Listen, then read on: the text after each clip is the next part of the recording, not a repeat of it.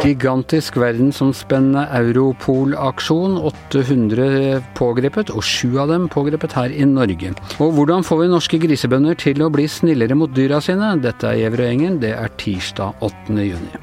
Ja, det har altså vært en gigantisk internasjonal uh, politiaksjon i regi av uh, Europol, hvor, uh, hvor 800 er pågrepet over hele verden, og syv av dem er eh, pågrepet her i Norge. Og Øystein Milli, eh, krimkommentator i VG og programleder hos våre kolleger i Krimpodden. Eh, hva vet vi om denne aksjonen i Norge, først og fremst? Det er en uh, litt mer begrensa gren til Norge, ser det ut som. Man har pågrepet sju personer. Uh, skal pågripe én med en bakmannsrolle i utlandet.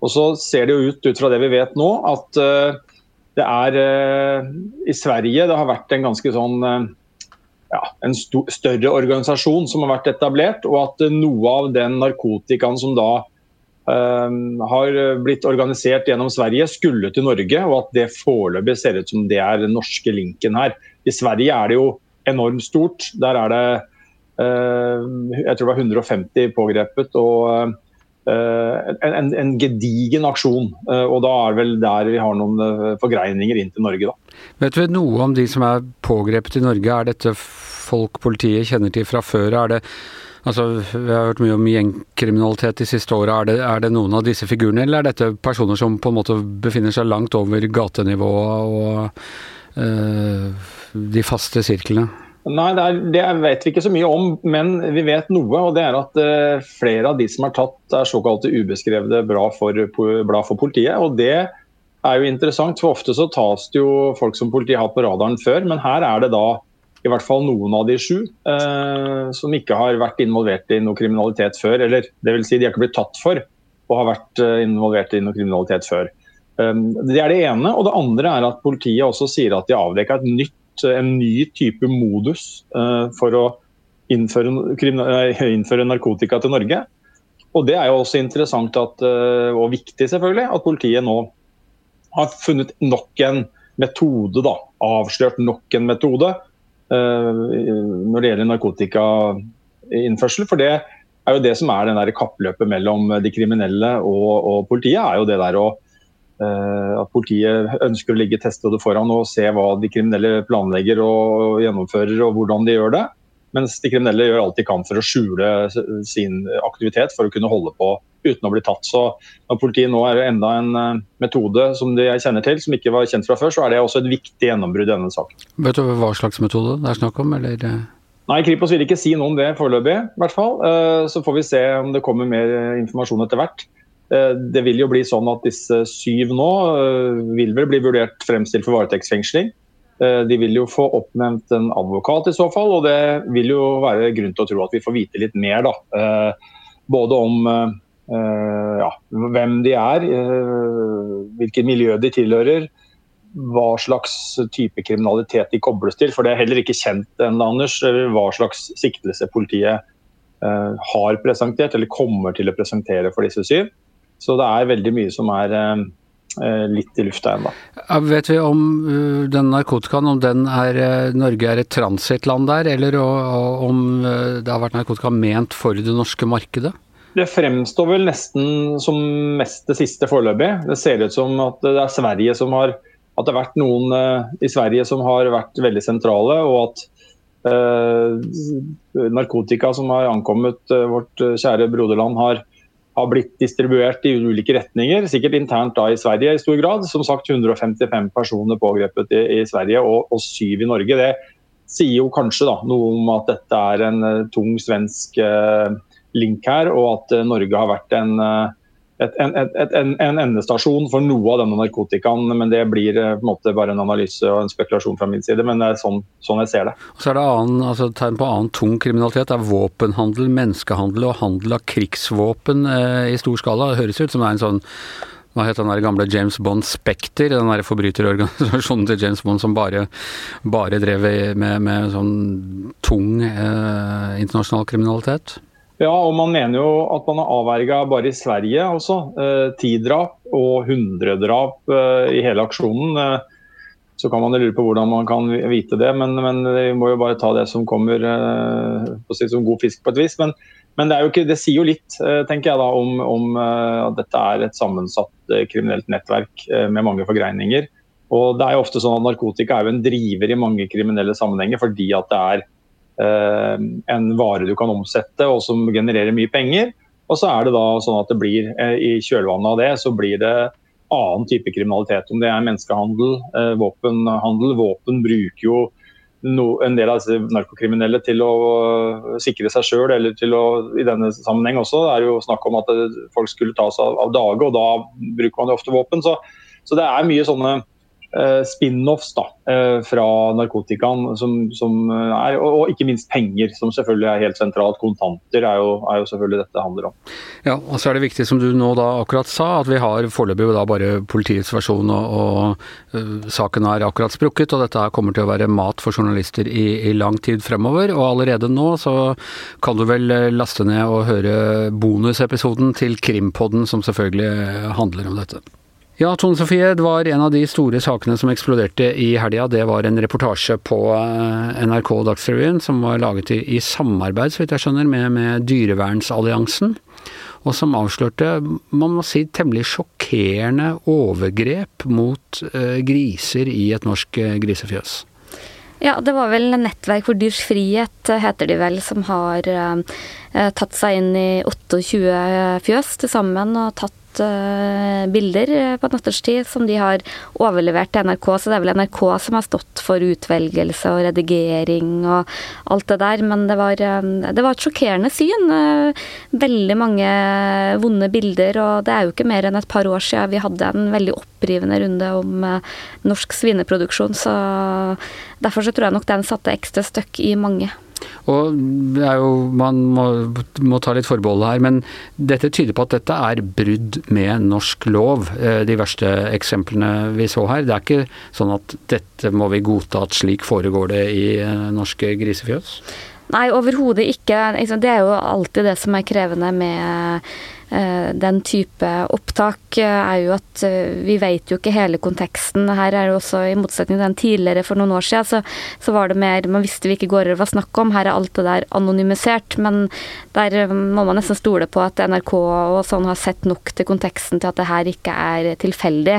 Men, men det der er jo noe som Bondelaget f.eks. hevder at de kjenner seg ikke igjen i det. Mener at det her ikke er representativt. Og så kan du på en måte si det er, det er flere forhold. Det ene er jo helt åpent åpenbare brudd på, på regelverk, hvor du ser dyr med store sår, uh, eh, ubehandla, som går rundt. Du ser døde dyr som ligger sammen med levende dyr. Du ser uh, griser som ikke um, uh, har det man skal ha i en binge. De skal ha rotemateriell, som det heter, hvor de kan grave. De skal, ha, de skal, de skal ikke gå og vasse i sin egen avføring, som vi så bilder av. Og ikke minst så skal purkene skal gå fritt. Her så vi også at, at de var liksom bindet fast, eller sto, sto, fast i veldig, veldig små båser hvor det ikke var mulig å, å, snu seg eller noen ting. Så veldig mye der som rett og slett er uh, ulovlig. Men la oss si altså dette er da brudd på dyrevernsloven, det er Mattilsynet og sånn som har et ansvar for å rydde opp og, og uh, kriminell etterforskning osv. Men har også vi forbrukere et ansvar? ved at vi har jo, altså Jeg vet ikke hva det er nedi nå, det svinekjøttet, men det er kjempebillig. Uh, er, er, dette et resultat av uh, en priskrig og stadig press på prisene, og det at vi forbrukere venter, forventer stadig billigere kjøtt? Ja, ja og nei. Og derfor er jeg litt overraska over at uh, Bondelaget er jo veldig tydelig, som de alltid sier når sånne ting skjer, er at dette her er ikke strukturelt, dette er ikke Norske dyr har det bra, men dette er noen, uh, dette er noen råtne epler som jeg stadig vekk ser. Det var litt det samme vi så i pelsdyr òg. Det var alltid det man, man skyldte på. Så er det liksom et spørsmål hvor mange råtne epler kan det være i, For pelsdyrhold da var jo en relativt liten næring. Uh, men jeg, jeg, tror nok at problemene i, i grise grisenæringa er eh, også strukturelle, fordi eh, kjøttet er eh, billig. Det er, selv om man holder seg innenfor et regelverk, så er det veldig vanskelig å se at, at det er et godt griseliv. For jeg, jeg tror veldig mange egentlig ikke helt uh, vet hvordan en gris er. Men uh, en gris er jo egentlig et veldig sånn morsomt, uh, intelligent dyr. et sosialt dyr? Et veldig sosialt dyr. De, de, sier at de er like smarte som hunder, og man kan også bruke dem som det. De er veldig renslige, så det er veldig sånn urettferdig at de har fått på seg det å være skitten som en gris, eller Og jeg har drevet fulgt en del sånne gårder med sånn frilansgris på, på sosiale medier, og det er jo veldig sånn artige dyr som leker og graver prøver å holde på hele tida, og, og, veldig sosiale. Så ut fra de rammene hvor man tross alt er inne hele tida, aldri er ute, er på betonggulv, eh, så tror jeg nok at det ideelle griselivet tror jeg er veldig vanskelig å få til innenfor dagens drift. Da. Ja, og dette er, selv om altså selvfølgelig skal ikke foregå direkte mishandling og, og, og sånn, men dette er noe vi litt stilltiende aksepterer. At uh, de dyrene vi uh, aler opp til, til mat, de lever ikke noe spesielt gode liv. Nei, og jeg tror at uh, mange har litt sånn uh, feil bilde av hvordan uh, landbruket er. For, for, det man skal ha rett i, hvis du er inne i et hvilket som helst fjøs, så tror jeg nok, eller en driftsbygning hvor det er dyr, så tror jeg nok du vil få se bilder som ikke nødvendigvis ser så bra ut. Det er mye med liv og død og sånn som ikke nødvendigvis er så bra på, på TV. Som foregår på ett plan og Absolutt. Slakting og alt det der, ikke sant. Men, eh, men jeg tror vi har en tendens til å tenke at maten er litt sånn som vi ser bilder av på utafor eh, melkekartongen hvor kua går så lykkelig og beiter, og grisen hopper rundt, og høna det, det, er, det er hverdagen for noen ganske få. Kuene ser vi tross alt når vi kjører rundt i dette landet som vi er så glad i. Noen men... av de. Eh, men, eh, men, griser er jo all, all hovedsak inne. Så har du fått etter hvert en del sånn nisjeprodusenter som har griser ute, som, eh, som man kan velge å kjøpe. Og gjør du det, så har du vel en ganske mye større trygghet for at det, at den grisen har levd et godt liv, men, eh, men eh, den, den, industrielle produksjonen, og det er, jo, det er jo kanskje svin og kylling som er de to driftsformene i dag som eh, er mest industrialisert, da, og det er mest bekymring for om man klarer å ha god nok dyrevelferd ut fra de rammene som er regelverk. Er det politikk i dette? Det, går det skillelinjer i norsk politikk eh, rundt dette, eller er alle stilltiende med på at eh, så lenge man holder seg innenfor regelverket, så er eh, alt greit i norsk landbruk? Nei, her er det ganske store politiske skillelinjer.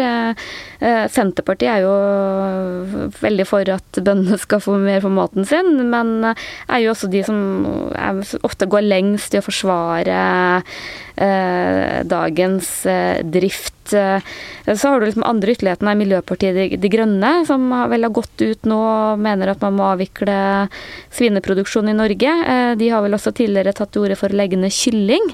Eh, og for det er kyllingmann, på en måte, det er der jeg har mest dårlig, dårlig samvittighet. Gris var ikke jeg egentlig så klar over. Nei, Jeg tror mange ikke helt uh, veit uh, hvordan det er. Så er det sikkert et definisjonsspørsmål hva man mener er et uh, greit nok liv. Men jeg tror det er liksom grense for hvor, uh, hvor lykkelig en gris kan leve i et sånn, en, en normal produksjon, uh, produksjon da. Så men så er liksom Venstre et parti som er mer opptatt av dyrevelferd. Jeg ser også de har reagert. Arbeiderpartiet har vært ganske tydelige også den saken, så det er helt åpenbart eh, variasjoner. Men, eh, men, men, det jeg også opplever nå, at det er blitt veldig sånn spissa seg til mellom særlig bondenæringa og, og dyrevernorganisasjonene. For det, det, man sa når pelsdyrhold ble avvikla, var jo at hva blir det neste? Og da var det jo liksom sånn, er det svinenæringa som nå skal liksom legges under det samme? Så fra bondehold så er det, det her møtt med veldig sånn stor mistenksomhet.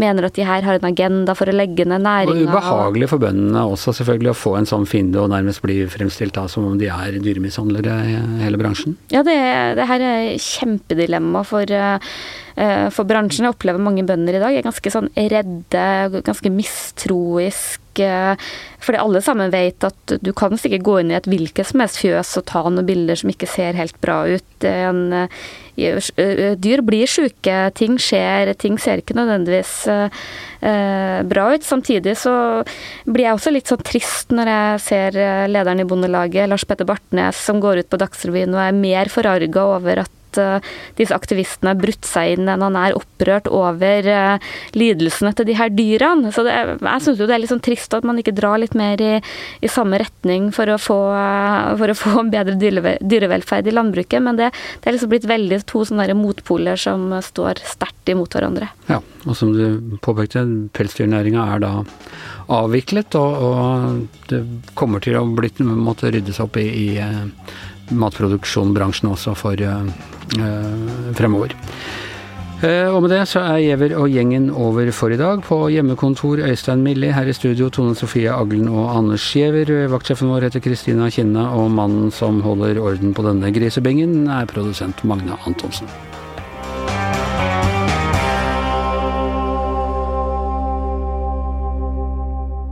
Du har hørt en podkast fra VG.